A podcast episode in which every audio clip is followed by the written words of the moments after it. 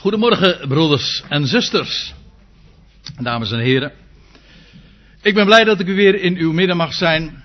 En ik ben blij dat wij mensen zijn die niet zijn als degene die geen hoop hebben. Maar dat wij over het graf heen kunnen zien.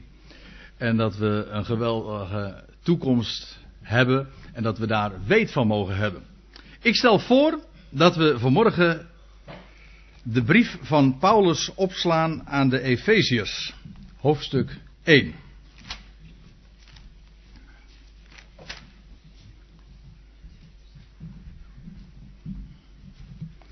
De brief die Paulus heeft geschreven aan de Efeziërs.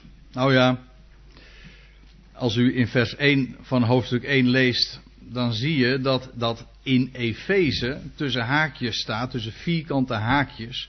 En dat betekent dat het er later vermoedelijk ingeslopen is, maar dat het niet hoort bij de originele tekst. En dat maakt deze brief toch veel bijzonderder, nog. Want het geeft aan dat deze brief niet eh, gericht is aan, aan een bepaalde plaatselijke geloofsgemeenschap, maar dat het gericht is aan allen die in Christus Jezus zijn. Dat wil zeggen, ook aan ons. Efeze 1, en ik begin te lezen vanaf vers 1, ik ga door tot en met vers 14. Ik lees u voor uit de MBG-vertaling en soms zal ik wat afwijken, maar dat zal ik dan later nog wel licht toevoegen, of toelichten bedoel ik. Paulus, door de wil van God, een apostel van Christus Jezus, aan de heiligen en gelovigen in Christus Jezus, genade zij u en vrede van God, onze Vader en van de Heer Jezus Christus. Gezegend zij de God en Vader van onze Heer Jezus Christus, die ons met alle geestelijke zegen in de hemelse gewesten gezegend heeft, in Christus. Hij heeft ons immers in Hem uitverkoren voor de nederwerping der wereld, opdat wij heilig en onberispelijk zouden zijn voor Zijn aangezicht. In liefde heeft Hij ons tevoren ertoe bestemd als zonen van Hem te worden aangenomen, door Jezus Christus, naar het welbehagen van Zijn wil, tot lof van de heerlijkheid van Zijn genade, waarmee Hij ons begenadigd heeft in de geliefde. En in hem hebben wij de verlossing door zijn bloed, de vergeving van de overtredingen. Naar de rijkdom van zijn genade, welke hij ons overvloedig heeft bewezen in alle wijsheid en verstand. Door ons het geheimenis van zijn wil te doen kennen. In overeenstemming met het welbehagen dat hij zich in hem had voorgenomen. Om ter voorbereiding van de volheid der tijden al wat in de hemelen en op de aarde is, onder één hoofd, dat is Christus, samen te vatten. In Hem, in wie wij ook het erfdeel ontvangen hebben, waartoe wij tevoren bestemd waren, krachtens het voornemen van Hem, die in alles werkt naar de raad van Zijn wil. Opdat wij zouden zijn tot lof van Zijn heerlijkheid.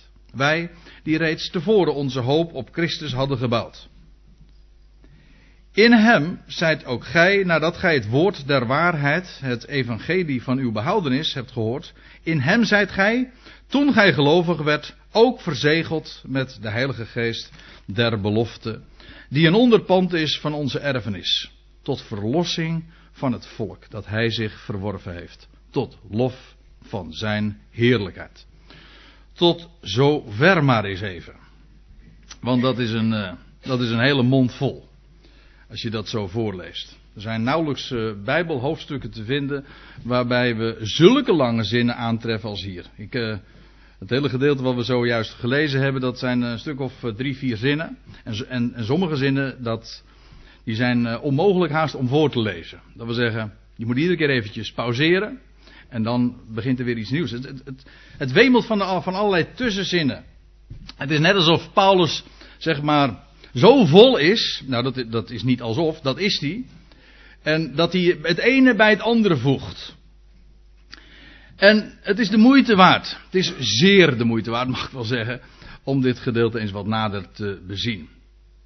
Ik uh, stel me zo voor dat het met gemak dat je een, de, de versen die we hier nu gelezen hebben, dat je daar zo een, een heel Bijbelstudieseizoen aan zou kunnen wijden. Want er staat zo ongelooflijk veel in. Men heeft wel eens gezegd, Efeze 1 is de schatkamer van God. En dat is ook zo. Alle rijkdommen die wij in hem hebben, worden hier uitgestald. Laat ik eens even beginnen bij het begin. Nou ja, dat begint meteen met de naam van Paulus. Ik weet niet of u de, van de week nog een beetje het nieuws hebt gevolgd. Maar de, de apostel Paulus stond zelfs warempel nog vertamelijk prominent in het nieuws. Doordat, heb je het gehoord of gelezen? Nee? Volgt u het nieuws niet? nou, het stond, uh, het stond uh, op een tamelijk prominent nog in de Telegraaf, daar heb ik het in gelezen. Dat het graf van de apostel Paulus is gevonden in de Sint Paulus uh, Basiliek in Vaticaanstad. En dat uh, de archeologen zijn daar met uh, vrij grote zekerheid van overtuigd dat dat inderdaad het graf moet zijn van de apostel Paulus. Nou, dan weten we dat ook weer, denk ik dan. Ik steek mijn handen er niet voor in het vuur, maar ik heb daarentegen er ook helemaal geen, geen enkele reden toe om het te betwijfelen. Bovendien, ik ben geen archeoloog. Dus ik neem het gewoon voor kennisgeving aan.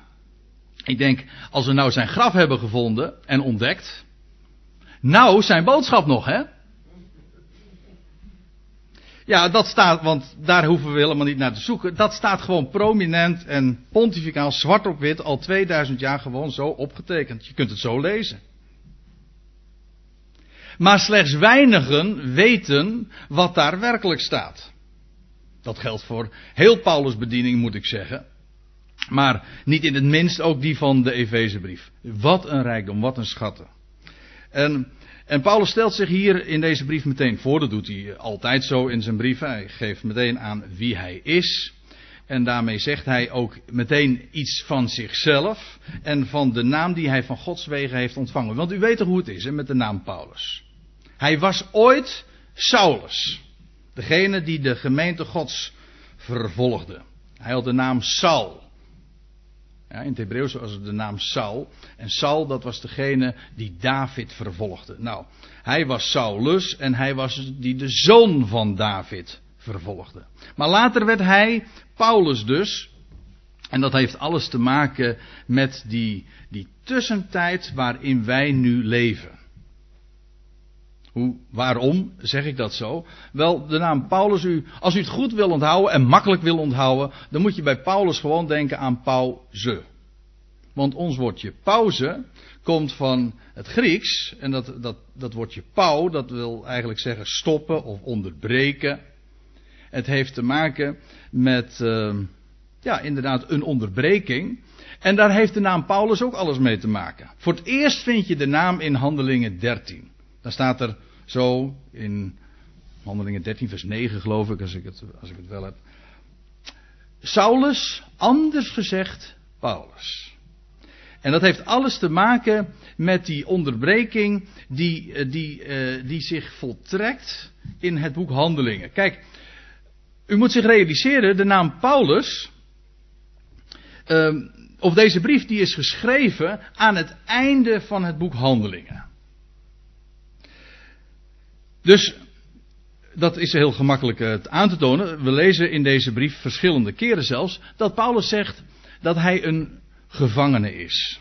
En daarvan lezen wij inderdaad aan het einde van het boek Handelingen dat hij in gevangenschap was. Handelingen 28, dat hij twee jaar daar uh, gevangen zat in zijn, en dat hij daar in zijn eigen gehuurde uh, woning verbleef.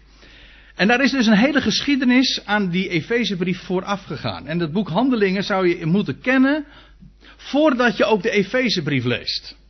En dat je daar kennis van neemt. Want het boek Handelingen dat is de geschiedenis waarbij het evangelie van de opgewekte Christus gepredikt wordt aan het volk Israël in de eerste plaats. Israël zou moeten weten wie de verrezen koning is hij is de beloofde zoon van David en hij heeft de dood overwonnen. Wel, die boodschap wordt in het boek Handelingen gepredikt aan Israël, met daarbij ook de belofte dat als zij tot geloof zouden komen en aanvaarding van Hem, dat het koninkrijk van God op deze aarde zou aanbreken en gevestigd zou worden. Dan zou de Heer Jezus Christus vanuit de hemel terugkeren en zijn troon vestigen op de enige plaats waar het ook hoort, namelijk in Jeruzalem. En dan zou Israël hersteld worden en gesteld worden tot, een, tot het hoofd van de volkeren. En heel de volkerenwereld zou delen in de zegen die, die dat met zich mee zou brengen. Dat was de verwachting in die dagen van het boek Handelingen. Dat was ook de, de, het motief van de verkondiging. Alles was daarop gericht. Israël zou tot geloof komen. Nou, het boek Handelingen is juist ook geschreven om te laten zien hoe het volk vijandig staat tegenover het evangelie van die opgewekte Christus. Zij moeten daar niks van hebben. Ze wijzen het af. En zoals ze ooit de Heer Jezus hebben gekruisigd, is het ook zo dat ze in het boek Handelingen hem, die de verrezene is, de opgewekte, ook hem wijzen zij af. En dan zie je, terwijl die afwijzing zich aftekent, als, uh, als Stefanus ge, gestenigd wordt hè, door, de, door het Sanhedrin, heel officieel door, door, door, door de, de, leider, de leiding, ja, door de leiders van Israël, dan lees je dat achter de coulissen een ander iemand zich plaats, uh, ja, hoe zeg je dat? Die, dat hij zich uh, klaarmaakt. Hij verschijnt dan op het toneel. Nog heel erg op de achtergrond in eerste instantie. De naam Saulus. U weet wel, hij was degene die de, de mantels bewaarde toen de leiders van, het, van, van Israël, de mannen van het Sanhedrin, Stefanus stenigden. En dan voor het eerst kom je die naam van Saulus tegen. Nog steeds is hij dan degene die daar ja, dat begroet allemaal met grote instemming, want hij moet er ook niks van hebben. Maar dan, dan wordt eh, een hoofdstuk of twee hoofdstukken later Saulus in zijn kladden gegrepen. En dan krijgt hij vanuit de hemel een visioen te zien van die verheerlijkte Christus. En hij, het maakt hem blind. Een paar dagen. Zo ontzagwekkend is die verschijning die hij daar ziet. En dan is het deze apostel Paulus die uitverkoren blijkt te zijn om een hele speciale boodschap te gaan prediken. Nu Israël de boodschap afwijst, mag de apostel Paulus die prediking gaan verkondigen van hem die in de hemel is. En die in deze tussentijd, want er ontstaat een tussentijd, het koninkrijk breekt niet baan, en breekt niet aan in deze wereld. Maar in die tussentijd vergadert God zich een volk, een gemeente, een uitroepsel. Uit alle volkeren. Zonder enige wet, zonder, buiten Israël ook om. Wel, dat is de geschiedenis van het boek Handelingen. Dat vinden we daar allemaal opgetekend. En met tegen die achtergrond zou je ook de Efezebrief moeten lezen. En Paulus stelt zich dus voor.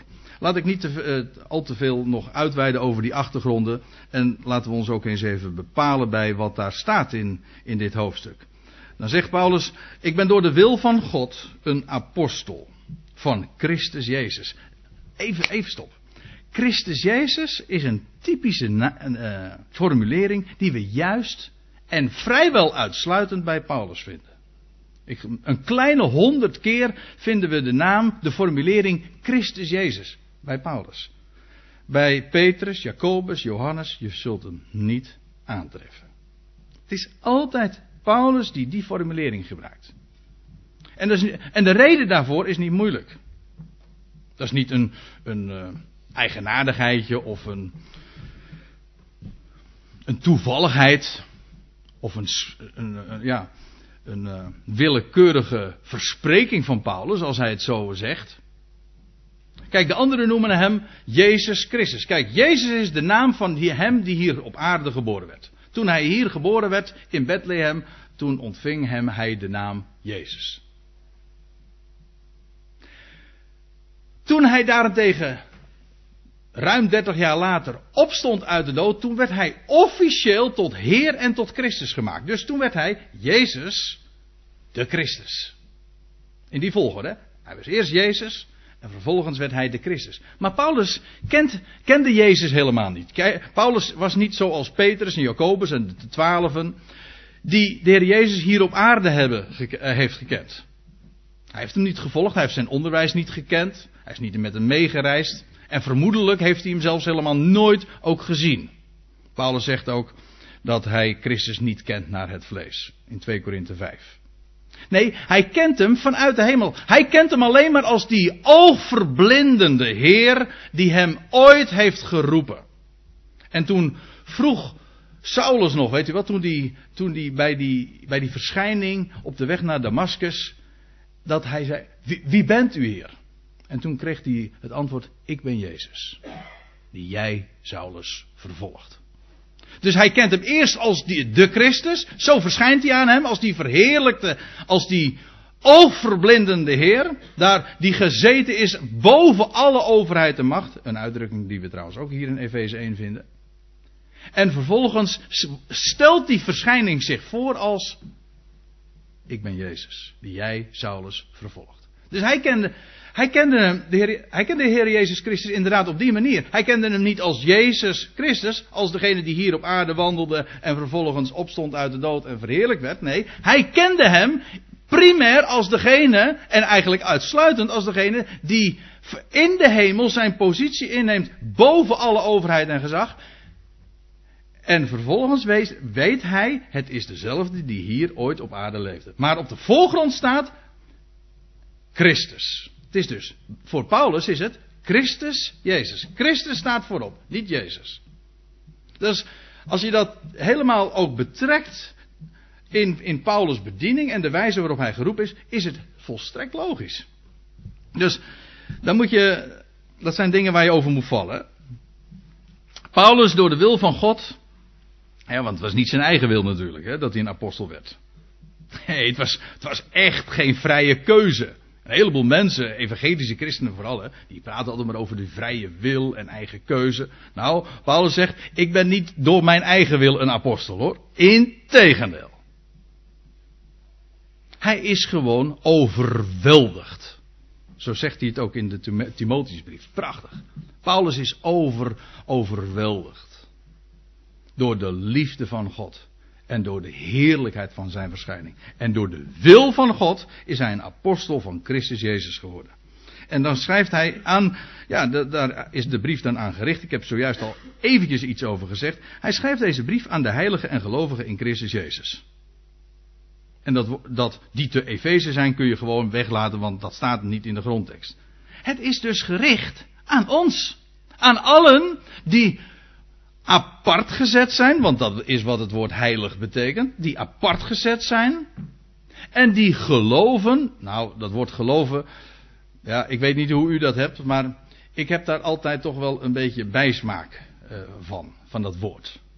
Want het woord geloven heeft voor vrijwel alle mensen toch een de betekenis van twijfel. Als je zegt ik geloof, ik geloof het wel, dan weet je het dus niet zeker. Terwijl in de Bijbel geloven vertrouwen is. Ik zou, als het er nou helemaal op aankomt, ik zou zelf een Bijbelvertaling mogen maken, zou ik het woord geloof helemaal schrappen. Een, een Bijbel zonder geloof. Hoe vindt u dat? Ik zou het gewoon vervangen door vertrouwen. Wij vertrouwen in Christus Jezus. En dat is wat het is. En dat heeft te maken inderdaad met, dat heeft wel te maken met, met overtuiging. Het zekere weten. Je vertrouwt op Hem. Wel, het is, deze brief is gericht aan de heiligen en de gelovigen, aan de, ja, dat is weer dan weer wat lastiger om het te, dan moeten we daar nog eens over nadenken als we een vertaling maken. Aan de heiligen en degenen die vertrouwen in Christus Jezus. En dan zegt hij, en zo begint hij ook al zijn brieven, genade zij u en vrede van God, onze Vader, en van de Heer Jezus Christus. Ja. Genade zij u en vrede. Dan zeggen ze, dat, en dat klopt hoor.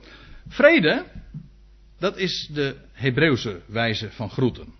Als je in Is nu nog steeds in Israël komt, dan zeggen ze shalom. Dat betekent vrede.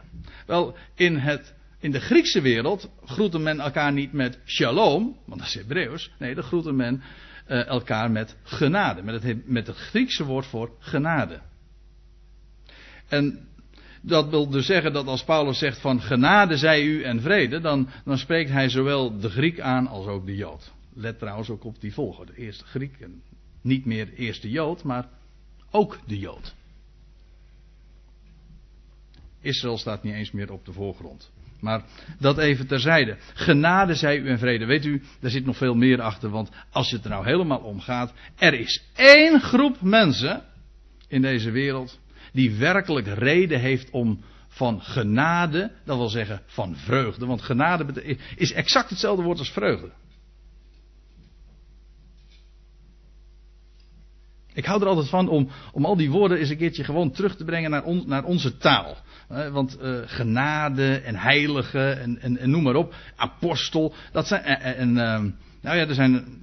Weet zeker als je dit hoofdstuk leest. Zijn er nog veel meer van die termen. Die, die zijn ons misschien wel vertrouwd geraakt. We kennen die termen, maar we weten eigenlijk niet echt wat het betekent. Wel, dat is met genade ook zo. Genade, ja, wat betekent genade? Nou, genade heeft in ieder geval te maken met om niet. Volkomen gratis. Onvoorwaardelijk ontvang je. En dat is, en daarom is het ook vreugde. Als je iets om niet ontvangt, zonder dat er een prijskaartje aan hangt, dan is dat een reden voor blijdschap, voor vreugde. Kijk, dat is waar deze brief uh, over spreekt. En waar, Paulus' bediening eigenlijk van overvloeit. Zo, zo, zegt hij het ook. Hè? Overvloeiende van genade. God, bij wijze van spreken, hij verkwist zijn genade. Hij geeft zo ongelooflijk veel genade. Hij geeft nog veel meer genade dan we nodig hebben. Daarom zegt hij ook overvloeiende van genade. En dat is waar hij van. Wij kennen genade en we kennen vrede. Weet u waarom?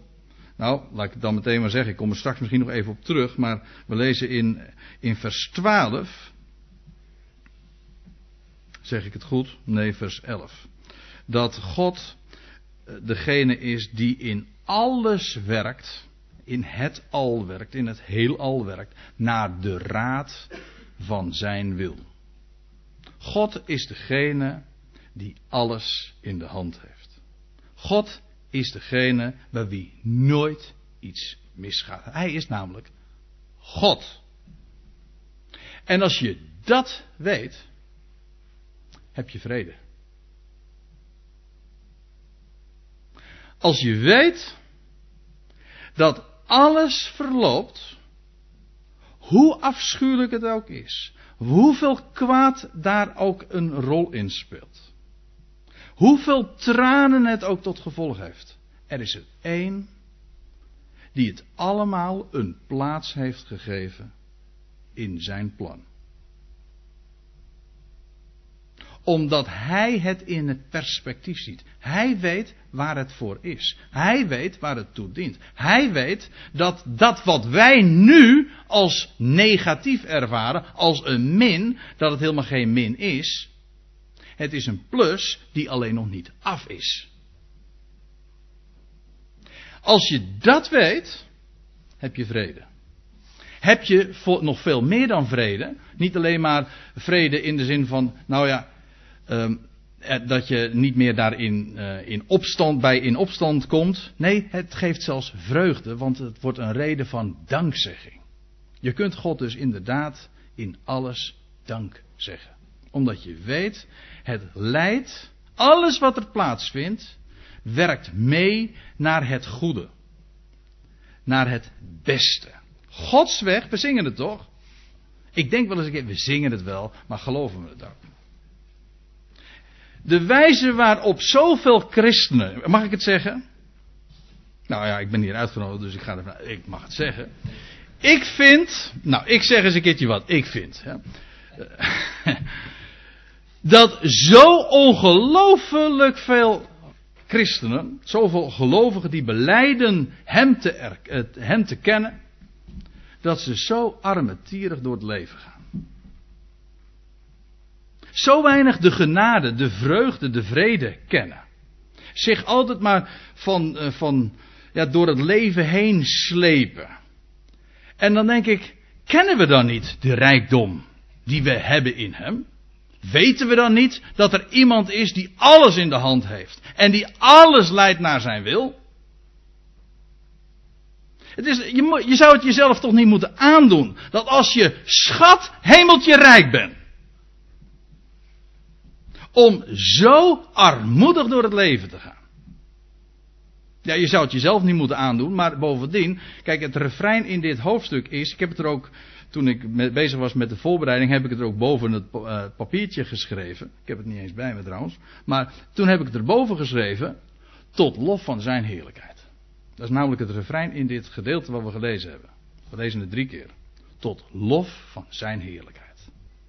Waarom zijn wij hier nu? Waartoe heeft God ons überhaupt uitverkoren en voorbestemd? Wel, het wordt er tot drie keer toe bijgezegd. Tot lof van zijn heerlijkheid. Daarom zijn we er hier. We zijn er hier niet om zeg maar ons door de dag heen te slepen en om, en om, uh, nou ja, zagrijnig zeg maar en uh, gedeprimeerd om naar beneden kijkend zo uh, ons leventje te leven. Hè, vol met tobberijen. Nee, wij zijn hier tot lof van zijn heerlijkheid om inderdaad te mogen demonstreren dat er een God is die God is en die een overvloed van genade geeft in zijn zoon Christus Jezus. En dat wij gezegend zijn, nou laat ik het nou gewoon meteen lezen. Efeze 1 vers 3. Dat Paulus het meteen uitroept. Hij heeft nauwelijks de, zich voorgesteld en de brief geadresseerd. En meteen valt hij met de deur in huis. En dan zegt hij: Gezegend zij de God Weer zo'n woordje trouwens, wat uh, zo'n soort van kerkelijk vocabulaire is geworden. Hè? Gezegend betekent gewoon goed spreken van. Gezegend zij de God en Vader van onze Heer Jezus Christus, die ons met, en de vertalers vonden het een beetje al te gortig om het woordje alle te, in te vullen, en dus hebben ze er maar van gemaakt allerlei. Want ze konden niet geloven dat God werkelijk ons alles geeft. Maar dat is wel, wel exact het woord wat hier staat. Er staan hier niet allerlei. Want dat suggereert dat er nog allerlei uh, uitzonderingen zijn. Nee, Paulus gebruikt hier gewoon het woord voor alle. Of elke. Ja, kijk, dan zie je. Nou, dan had ik dat. Uh, dan uh, moet ik me dus uh, een beetje beperken met kritiek op de vertalingen. Want het is de NBG-vertaling die dus niet correct is. En uh, de Statenvertaling. Ik weet trouwens in de. Als u een voorhoevenvertaling hebt, een Telos-vertaling, staat het ook correct. Er zijn ongetwijfeld nog veel meer vertalingen. Maar het is erg storend hoor. Als je, als je dan leest dat Paulus zegt dat wij in hem geplaatst zijn, in Christus Jezus. En dat God hem gezegend heeft met alles. En dat God niets aan hem onthoudt. En dat wij in hem geplaatst zijn. En daarom, omdat wij in hem geplaatst zijn. En aan hem niets onthouden is. Zij, hebben wij dus net zo goed alles ontvangen. Dat is wat hier staat. Alle geestelijke zegen in de hemelse gewesten in Christus. Alles. Er is geen geestelijke zegen te bedenken die hij niet aan ons heeft gegeven. En wij maar vragen, wilt u ons zegenen? Nee? Ik bedoel, met armoedig leven niet alleen maar dat je gewoon de hele dag of uh, zo vaak uh, met, met, het, met, het hoofd na, met het hoofd naar beneden loopt en een beetje zo door het leven heen sjouwt. Nee, ik bedoel daar ook mee dat je niet weet wat je allemaal bezit. In die zin dat je ook zo leeft uh, in, uh, qua, als gelovige zal ik maar zeggen. Het lijkt heel vroom, bijvoorbeeld. Ik weet, niet of, oh, ik weet ook niet of ik dat misschien mag zeggen. Of misschien sta ik wel op, op uh, tenen nu hoor. Maar het kan zijn dat mensen. ja, dan, dan bidden ze. Heer, wilt u ons zegenen? Wilt u ons genade geven? En het gaat mij er nou niet om daarop kritiek te leveren. Natuurlijk, maar het gaat er niet om dat je dat niet mag bidden. Eh, dat, dat mag je rustig doen. Maar als je weet dat je alle zegen hebt ontvangen, hebt ontvangen in hem, dan zul je het niet in je hoofd halen om dat nog alsnog te gaan vragen. Hm?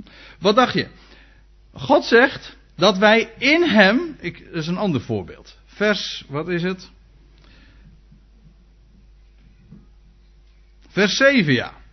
In Hem hebben wij de verlossing door Zijn bloed, er staat erbij, de vergeving van de overtredingen. let op wat hier staat. Wij hebben de vergeving van de overtredingen. Wij hebben dat.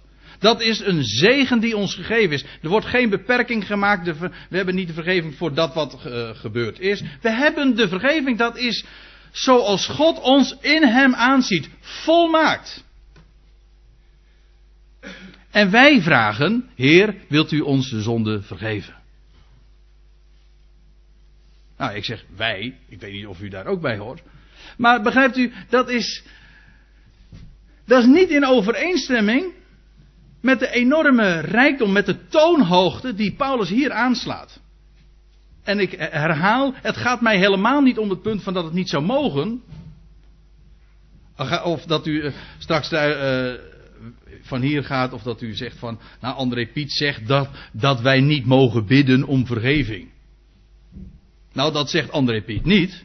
André Piet wil alleen maar laten zien vanuit Gods woord dat wij in Christus de vergeving hebben. En dat wij hem, dat wij, omdat wij het hebben, daarvoor dus kunnen danken.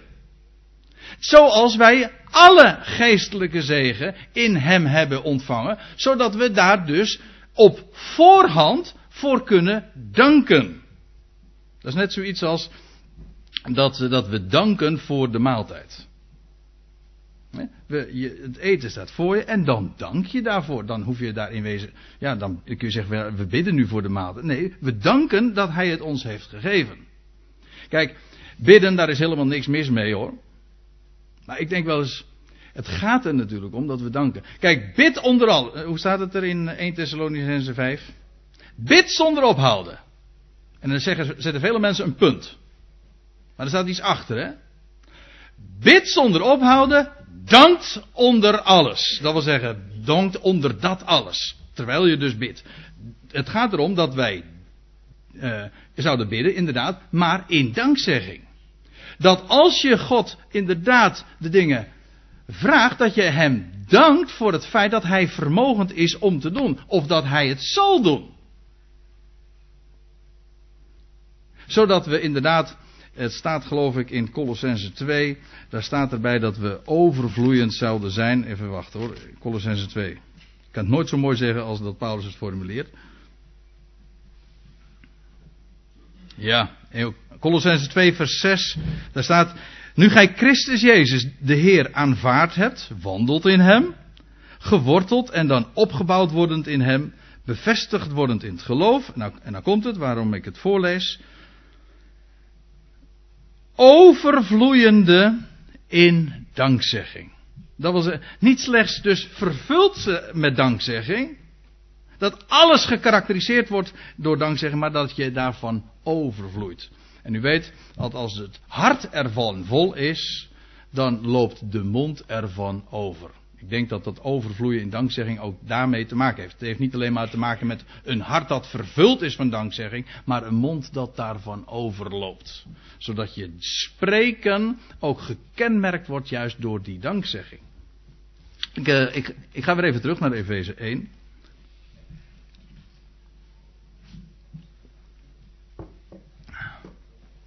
Want uh, ik wil hier nog een, paar dingen uh, naar, over naar voren brengen.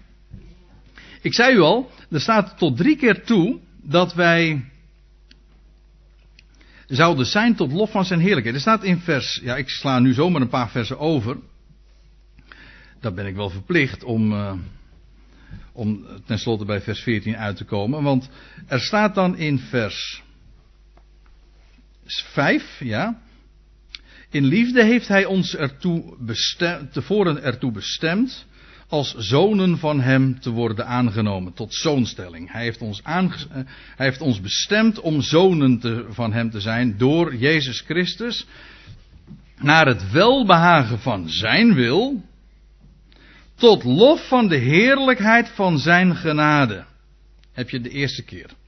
Tot lof van de heerlijkheid, van zijn heerlijkheid, namelijk de heerlijkheid van zijn genade. Als er één woord is dat schittert in die brieven van de apostel Paulus, dan is het genade. Volstrekt om niet. En genade staat tegenover werken. Hè? Als het door werken is, dan is genade geen genade meer, staat er ergens in Romeinen 11. Maar genade heeft te maken met dat God om niet geeft.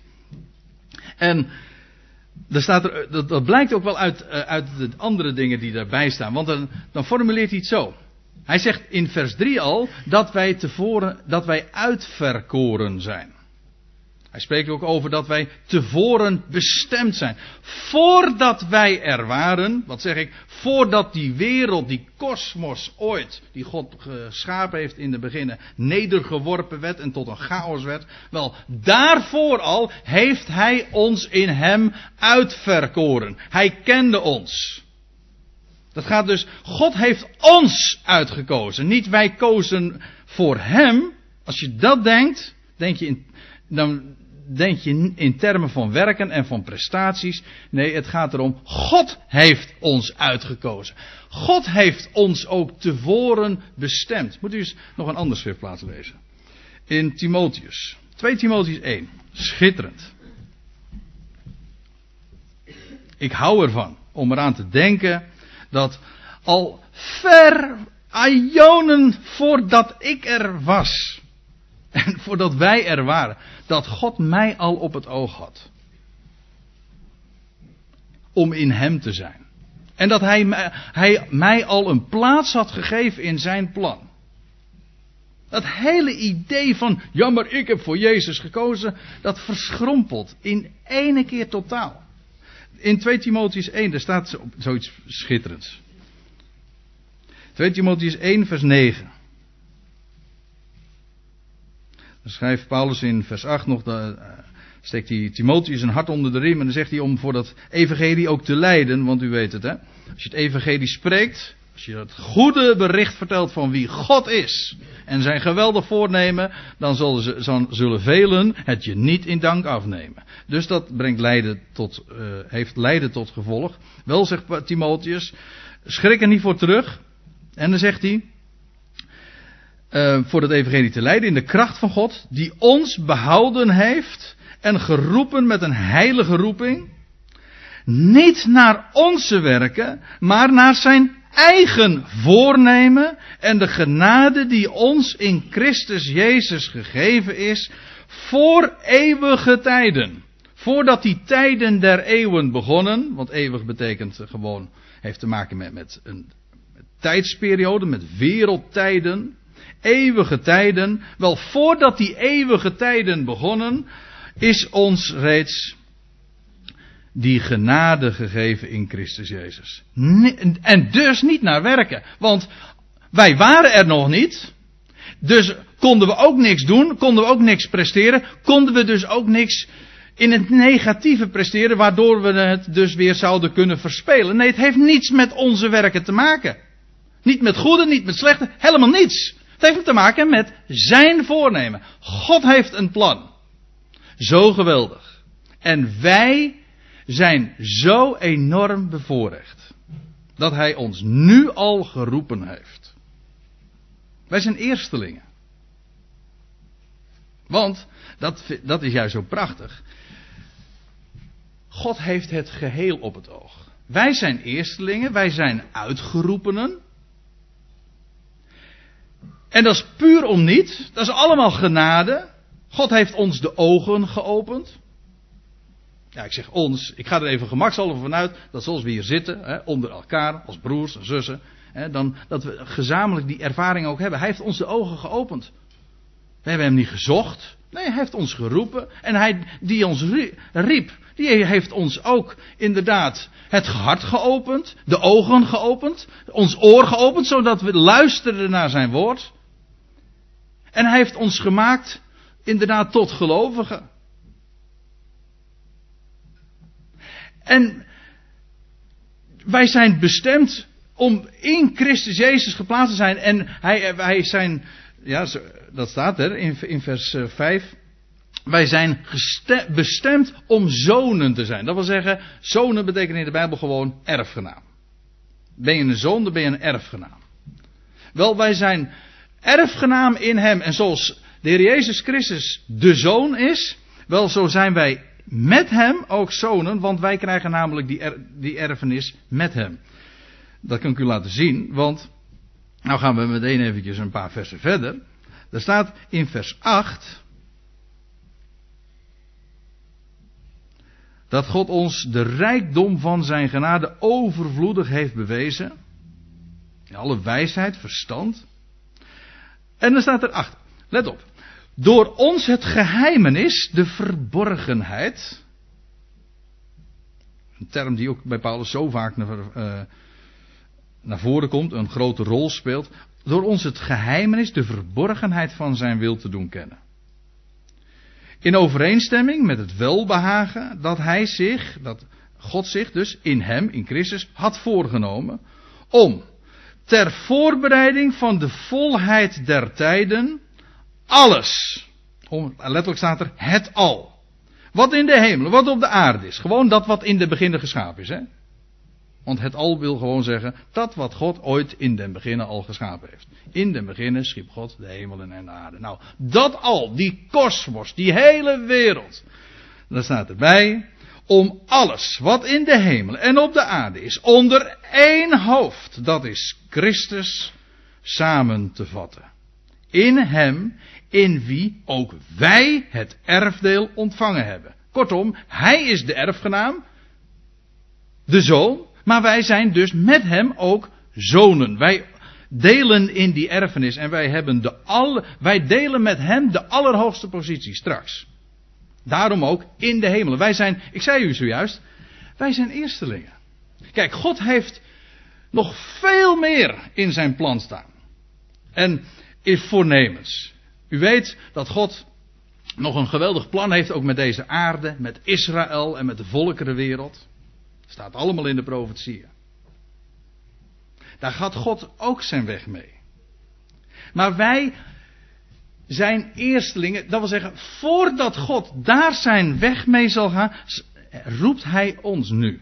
En, en omdat wij eerstelingen zijn, hebben we ook de hoogste positie. Vindt u misschien vreemd, maar dat is altijd zo in de Bijbel.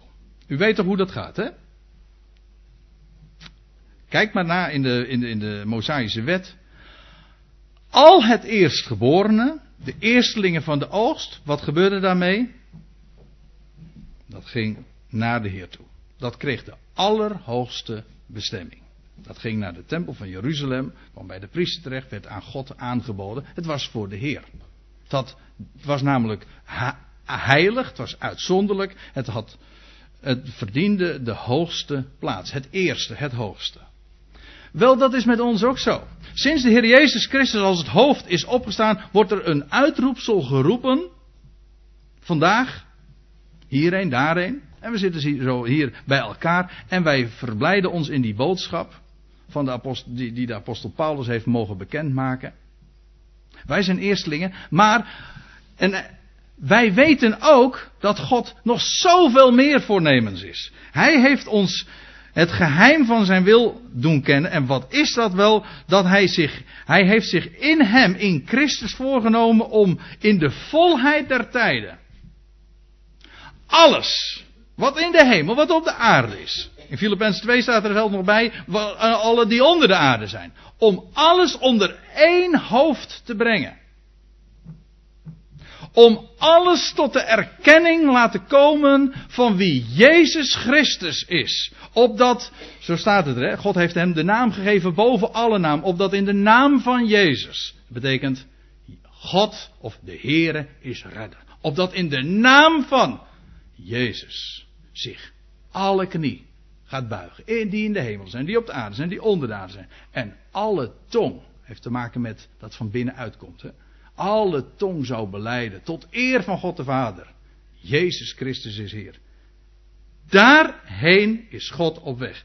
Dat is het geheim van zijn wil. Om uiteindelijk in die volheid der tijden. Prachtig hè? Want in, deze, in dit hoofdstuk wordt, ja, wordt een, een, een overzicht gegeven over al die tijden. Want kijk, we worden aan de ene kant verplaatst naar, naar het verleden, naar een heel ver grijs verleden. Voor de nederwerping der wereld had God ons al voorbestemd, ons uitgekozen. En hier worden we vervolgens verplaatst naar de volheid der tijden in de toekomst. Als al die Ionische, die eeuwige tijden, waar ik het zojuist ook over las, als al die eeuwige tijden, die tijden der eeuwen hun vervulling vinden. Hun hoogtepunt bereiken. Ook daarmee hun eindpunt bereiken. Als Gods plan is voltooid. En alles onder één hoofd is samengebracht. Christus Jezus. Dat gaat God doen. Daarin is hij volstrekt onafhankelijk van ons en van onze wil, want wij zijn ook geroepen. Net zoals Paulus. Terwijl we niet naar hem zochten, hij heeft ons geroepen, hij heeft ons hart geopend, hij heeft ons uitgekozen. Het is zijn voornemen, zijn plan. En weet u, daarom ben ik er ook vast van overtuigd, dit gaat God lukken. Ja, dit gaat echt dit gaat God lukken hoor. Echt, hij, is, hij heet niet voor niks de gelukkige God. Alles wat hij voornemens is, alles wat hij van plan is, dat gaat hij realiseren. En dit heeft hij in zijn hart. God heeft heel zijn schepping lief en op het oog. En in die tijden die hij zich heeft gemaakt en die hij zich heeft voorgenomen, gaat hij dat uitwerken. God zet alles zo op zijn plek. En dan staat er in vers 10 dat hij alles wat in de hemel en op de aarde is onder één hoofd, dat is Christus, gaat samenvatten. In hem, in wie ook wij het erfdeel ontvangen hebben. want wij zijn toch met hem geplaatst in, in, in Christus. Wij zijn geplaatst in Christus, zo bedoel ik het te zeggen. In de hemel, de allerhoogste plaats. En ik denk er wel eens een keertje aan. Heel vaak, ik, uh, ik, ik, hou er altijd van om naar de sterrenhemel te kijken. Maar ik denk er heel vaak aan dat als, als, ik, als, ik, dan omhoog, als ik dan omhoog kijk, zie al die sterren. En denk van ja, daar is mijn arbeidsterrein. Straks, wij zijn, wij zijn geplaatst in Christus. En om in de hemelse gewesten. Ik kan me er nauwelijks een voorstelling bij vormen. Ik, het gaat me wel duizelen. Dat heb ik altijd wel als ik daaraan denk. Dat God ons zo'n enorme hoge bestemming heeft gegeven. Moet u eens lezen in Efeze 2, vers. Wat is het, vers 7.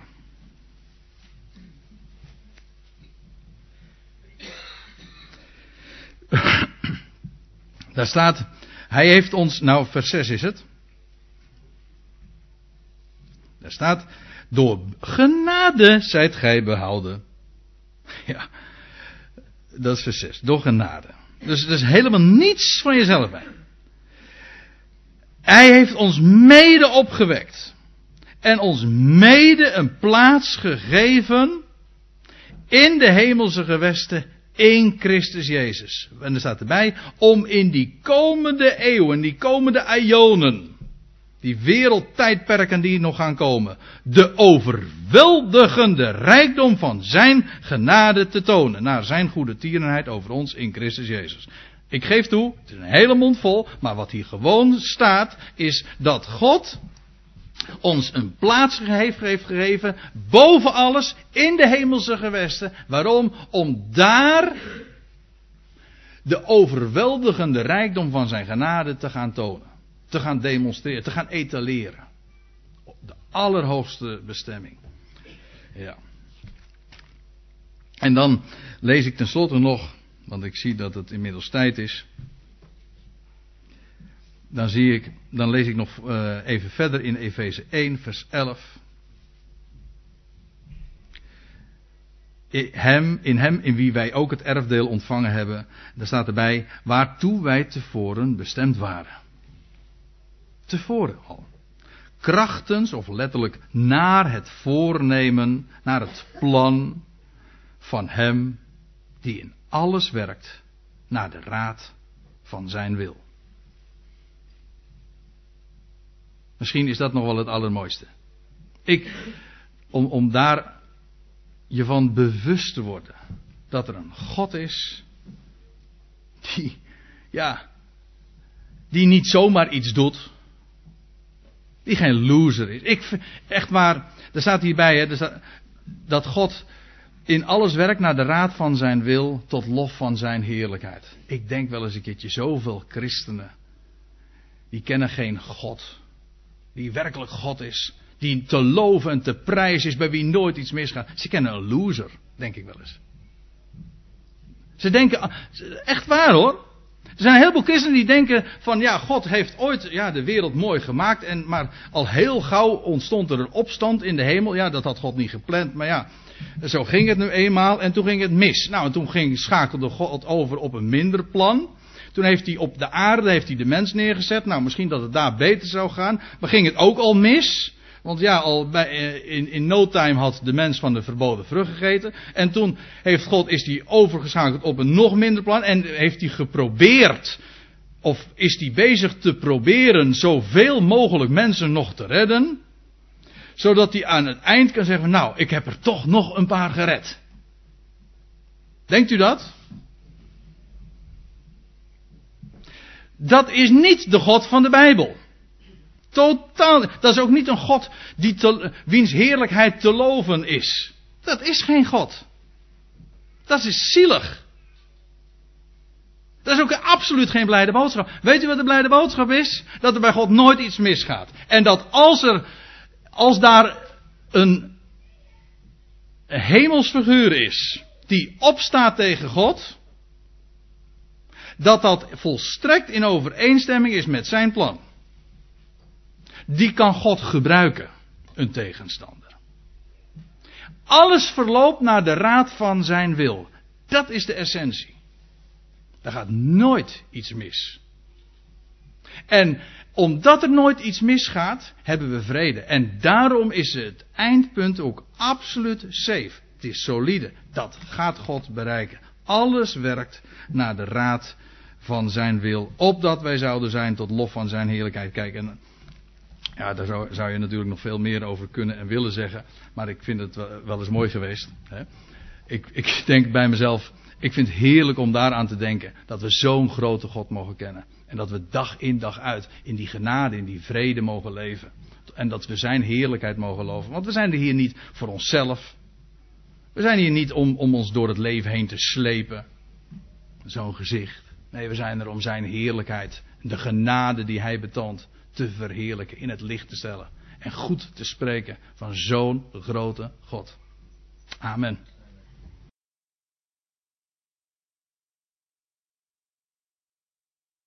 Ik stel voor dat we nog met elkaar danken.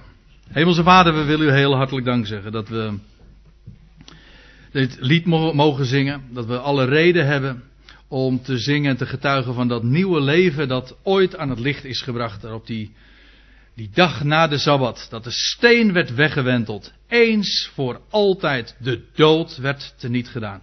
En Heer, er gaan zo weinig dagen, zo weinig weken voorbij, dat we eraan herinnerd worden dat we maar in een vergankelijke wereld leven, dat we zelf vergankelijk zijn en dat er mensen om ons heen wegvallen.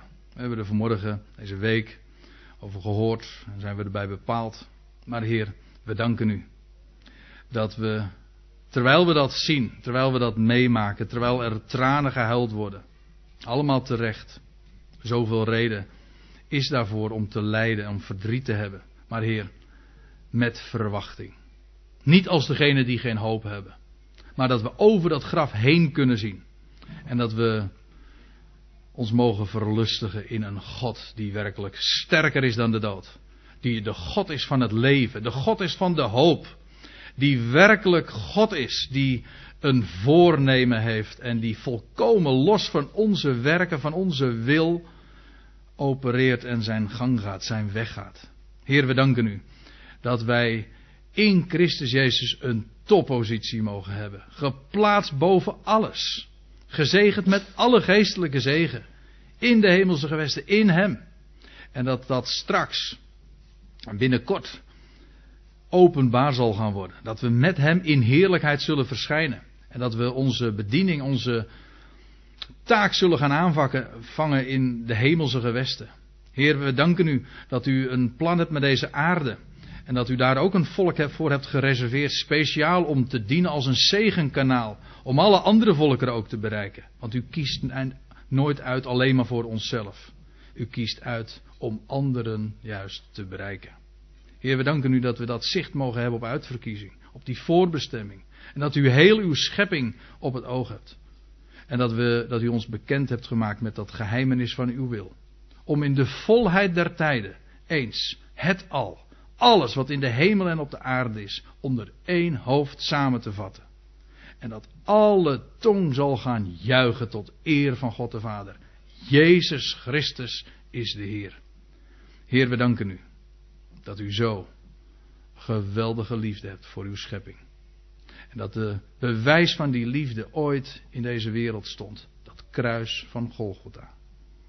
Daar werd de losprijs voor allen betaald. Heer, we danken u dat uw liefde allen aangaat. En dat uw liefde ook nooit zal falen. En dat u uw voornemen gaat realiseren.